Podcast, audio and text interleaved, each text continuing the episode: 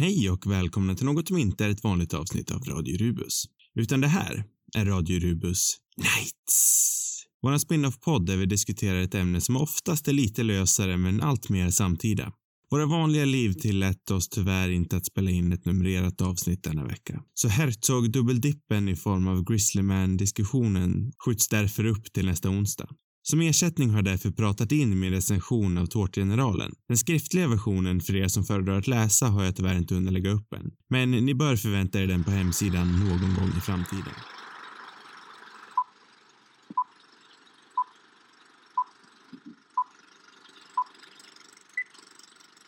Jag har aldrig, och tänker inte heller i denna recension, försöka ljuga mig till att jag gillar programledarduon Filip och Fredrik. Den passionerade och säkert snäppet till på tok för självseriösa filmälskaren jag är, har aldrig riktigt förlåtit den för fiaskot som var deras Oscarsgala-kommentatorskap.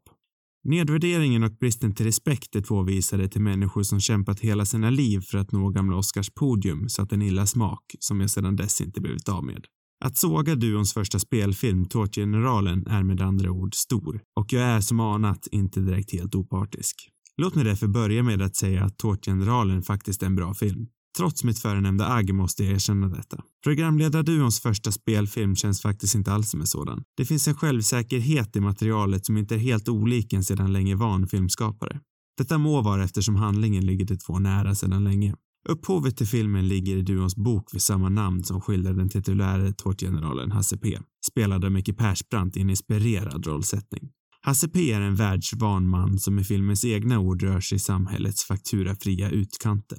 I detta fall blir det Köping, nyligen titulerad Sveriges tråkigaste stad till hela befolkningens förskräck.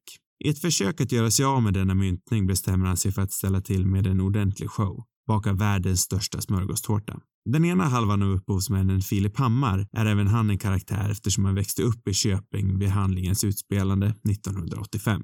Delvis till världsskapandets otroliga förmån, men inte alls till dramaturgins. Det låter kanske klyschigt att säga, men det stämmer verkligen. Köping är en karaktär i sig, och en underbart sjaskig sådan.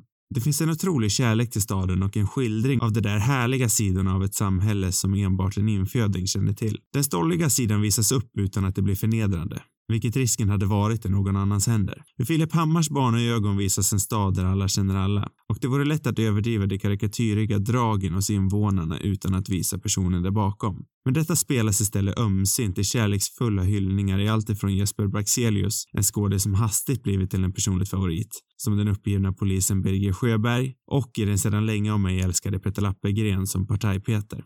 Men handlingsmässigt blir som skrivet Filip Hammars Köping-ursprung något av en akilleshäl. Det är nämligen så att karaktären Filip och likaså hans far inte ger något till den egentliga handlingen. Det faktiska syftet, så vitt jag kan tolka, är att visa hur han kom i kontakt med Hasse P i verkliga livet.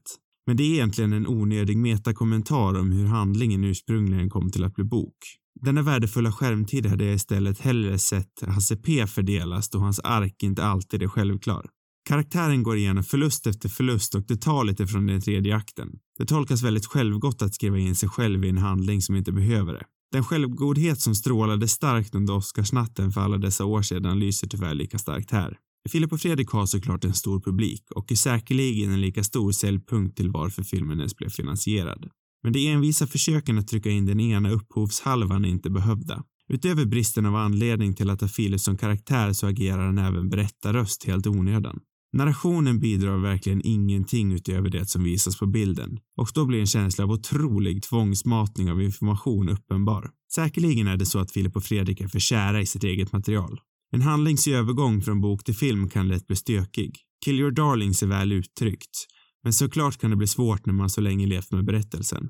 Kanske hade en tredjedel av varför inte en helt separat manusförfattare gynnat den ibland tolkade narcissismen. Någon som kanske stoppat de ofta väldigt överflödiga sekvenserna som jag kan tänka mig fungerar mycket bättre i bokformat. Men trots allt detta så vinner ändå romansen och kärleken till världen över mig att gilla Tårtgeneralen. Även fast den är otroligt ojämn. Skådespelarna gör ett väldigt bra jobb i att spela excentriska karaktärer utan att nå kalkonstatus. Humorn fungerar till mestadels i att ge lätta skratt, Möjligtvis är den lite osäker i huruvida tonen lutar mer mot torrhet eller stollighet, men det är småpotatis när skildringen av den tidslösa undertryckta mannen mot etablissemanget fungerar så pass väl som det faktiskt gör. Precis som staden filmen skildrar så är tårtgeneralen inte den bästa världen, men den har ändå en stolthet, en skaparkraft och framförallt så har den karaktär.